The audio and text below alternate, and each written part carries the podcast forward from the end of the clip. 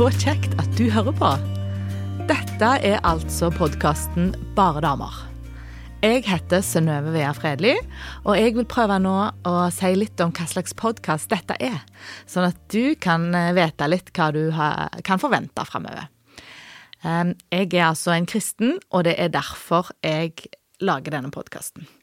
Så innholdet kommer altså til å bli deretter.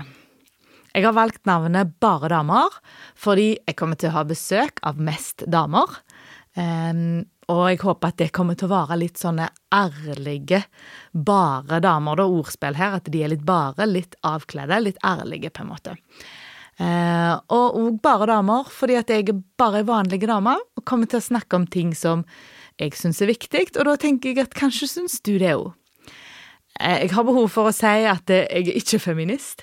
Eh, det kan godt hende at det dukker opp noen menn på gjestelista òg, og det kan godt hende at det er noen menn som syns det er greit å høre på henne. Men jeg tenker liksom at målgruppa her blir damer, fordi jeg er ei dame sjøl og lager podkast om det jeg tenker er interessant å høre, og jeg inviterer gjester som kommer til å være eh, mange som jeg kjenner, mine venner. Eh, både noen gamle venner og noen nye venner. Ja, så håper jeg og tror at du kommer til å like det og synes det er interessant, da. Jeg skal prøve å presentere meg sjøl litt bedre. Jeg heter altså Synnøve, og jeg er 41 år, og jeg bor på Karmøy. Og jeg er gift med han Rudolf. Vi har faktisk vært gift i snart 23 år, i februar. Og akkurat nå så sitter jeg i lydstudioet hans i huset vårt her på Vea. Han driver på med musikk til vanlig. Og meg og han har fire unger i alderen 16 til 22 år, og så har vi én svigersønn. Alle ungene våre har altså flytta ut nå, så det kan hende at dette podkastgreiene er eh, en ny hobby jeg holder på med for å unngå empty nest-syndrom eller noe, jeg vet ikke. Um, I alle fall så jobber jeg til vanlig som mellomleder i Karmøy kommune i rus- og psykisk helsetjenester. Jeg er utdanna sykepleier og har litt utdanning i rus og psykiatri og i ledelse. Og jeg liker veldig godt å gå på skole. Og nå i vinter òg skal jeg gjøre det. Jeg skal reise til Modum og, og skal ta litt mer skole i kristen sjelesorg. Og sjelesorg, medvandring, det er en, en, av de tingene som jeg heller litt på med på fritida. Og jeg gjør det mye i regi av Vea bedehusforsamling, som er den menigheten der jeg og mannen min er aktive medlemmer. Det er altså en forsamling som er knytta til to eh, av de største misjonsorganisasjonene i Norge. NLM, Norsk Luthersk Misjonssamband, og IMF, Indremisjonsforbundet. Som hobby så har jeg de fem siste årene organisert og vært kursholder på samlivskurs. Jeg syns i alle de 23 årene jeg har vært gift, at det, det har vært krevende. Eh, det har vært mye kjekt altså, men ja, jeg syns ikke det er kjempelett uh, å være gift. Gjerne er det for at jeg er spesielt vanskelig, eller mannen min, vet ikke. Eller gjerne begge deler, eller en kombinasjon. Uh, men i alle fall så jobber vi med forholdet vårt kontinuerlig. Nye livsfaser og nye utfordringer, eller kanskje de samme utfordringene kommer, bare at de er en ny drakt. Uh, sånn er livet, tenker jeg. Og vi har sjøl opplevd at disse kursene har gitt oss hjelp og perspektiv. Det gir oss forståelse og et språk for hva det er som skjer imellom oss, sånn at vi kan forstå det bedre, og det er veldig knyttig. Og vi holder det det kurset som heter Sju kvelder om å være to. Det er Alfas sitt eh, kristne samlivskurs.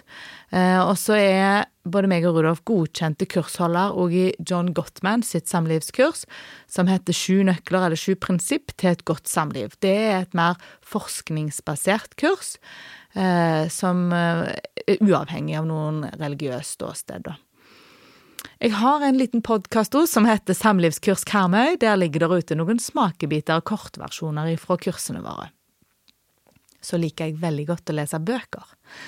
Og den boka jeg liker aller mest, det er Bibelen. Uh, og jeg vil veldig gjerne forklare deg hvorfor. For det, Bibelen er ikke ei vanlig bok. Det som skjer når jeg leser i den boka, det er at jeg lærer mer og mer om hvem Gud er. Og da blir jeg mer og mer klar over egentlig hvor lite jeg forstår, og hvor mye mer det er å forstå i den boka, og hvor spennende det er. Eh, og så aner jeg litt av hvor ufattelig hellig og allmektig han er. Og da får jeg lyst til å forstå mer og komme nærmere. Og jeg opplever at Bibelen er sann og aktuell i mitt liv. Og det er en av mange som tenker at eh, kristentro er en teori som kan være like sannsynlig eller usannsynlig som andre religioner. Men det jeg har lyst til å formidle i denne podkasten, er at jeg kan skrive under på at gjennom å lese i Bibelen og be til Gud, så er jeg i samhandling med en levende Gud. Det er en Gud som ser meg og alle detaljene i livet mitt. Han er min skaper, og han kjenner meg bedre enn jeg gjør sjøl. Og noen dager kan det være litt ubehagelig, og fordi han peker på ting i livet mitt som jeg ikke har lyst til å forholde meg til, eller som jeg ikke har lyst til at han skal peke på. Um, men for det meste, og det er jo fordi når han peker på ting som er ubehagelig, så er det jo fordi jeg trenger det, da. Fordi det vil være godt for meg på lang sikt. Det er gjerne ubehagelig der og da men på lang sikt så gjør det bra. Så jeg, jeg, erfarer at det er utrolig godt å ha en Gud som ser meg. Ehm, det er så mange løsninger på alle ulike problemstillinger, og vi mennesker tror at vi kan fikse opp i alt sjøl. Og jeg opplever når jeg tar saken i egne hender, så kløner jeg ofte ting til. Så det aller beste syns jeg er når jeg kan gå til Jesus og kalibrere meg hver dag. Og jeg tror på det jeg mener med det. På gammel kristendom så heter det daglig omvendelse. Eh, og jeg liker å tenke på det som en daglig kalibrering.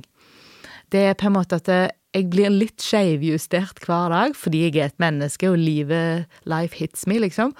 Og, men når jeg går til Jesus, så får han på en måte finjustert meg eh, tilbake til de innstillingene som han, som er produsenten og skaperen av meg, hadde tenkt at jeg skulle være, for å ha optimal eller god fungering, da, eh, både for meg og for de rundt meg. Og jeg tror altså at når vi søker Bibelen, og når vi søker Gud, så får vi de aller beste svarene.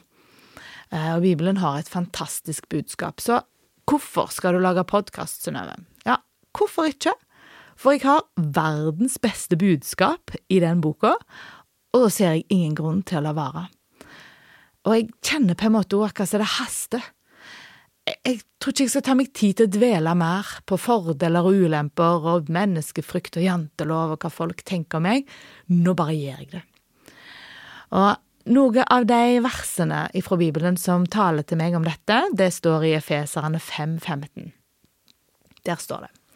Pass derfor nøye på hvordan dere lever, ikke som ukloke mennesker, men som kloke, så dere bruker den dyrebare tiden godt, for dagene er onde. Disse versene forteller meg at jeg trenger hjelp til å gjøre kloke valg, hjelp og støtte fra Gud og fra andre kristne medmennesker, og at tida er dyrebar, det tror jeg vi vet godt. Eh, det er viktig hvordan vi prioriterer tida vår. Hva setter vi først og sist? Og tida går fort. Vi må være bevisste på de valgene vi gjør. Og at tida kan oppleves som vond, det tror jeg er lett å relatere til for mange i 2020, når vi har hatt koronapandemien som herjer, og på mange um, ulike måter så er det mange som lider på grunn av det.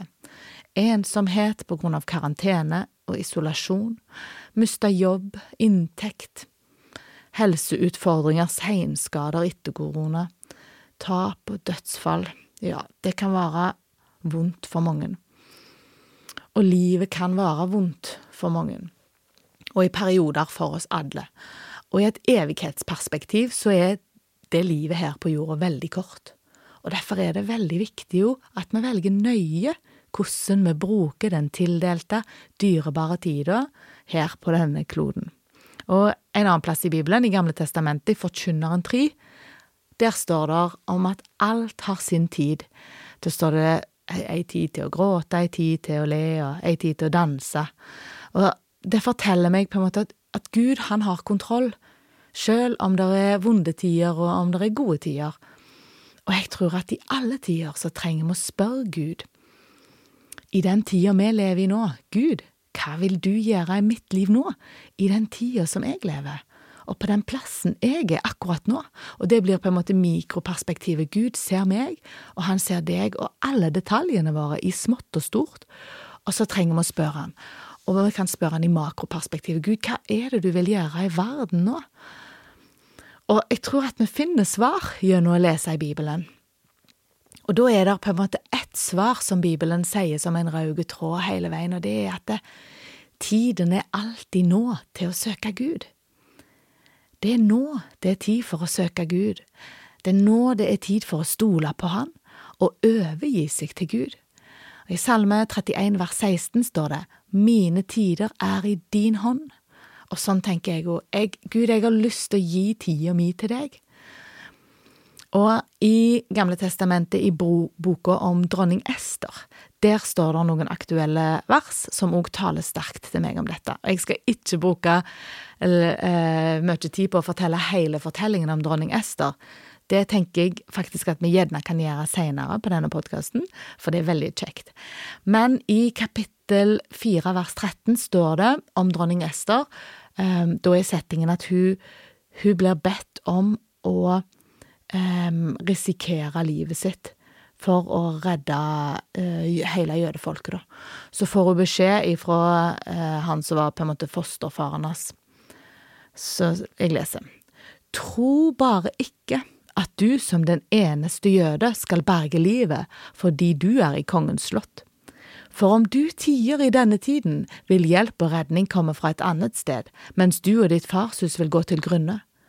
Og hvem vet om det ikke er for en tid som denne at du har fått dronningrang?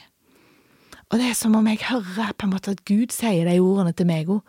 Tru bare ikke, Synnøve, at du som sitter der så trygt og godt i rike Norge, eh, og på eh, kristne Karmøy, at du er den eneste eh, kristne som vil slippe klar her.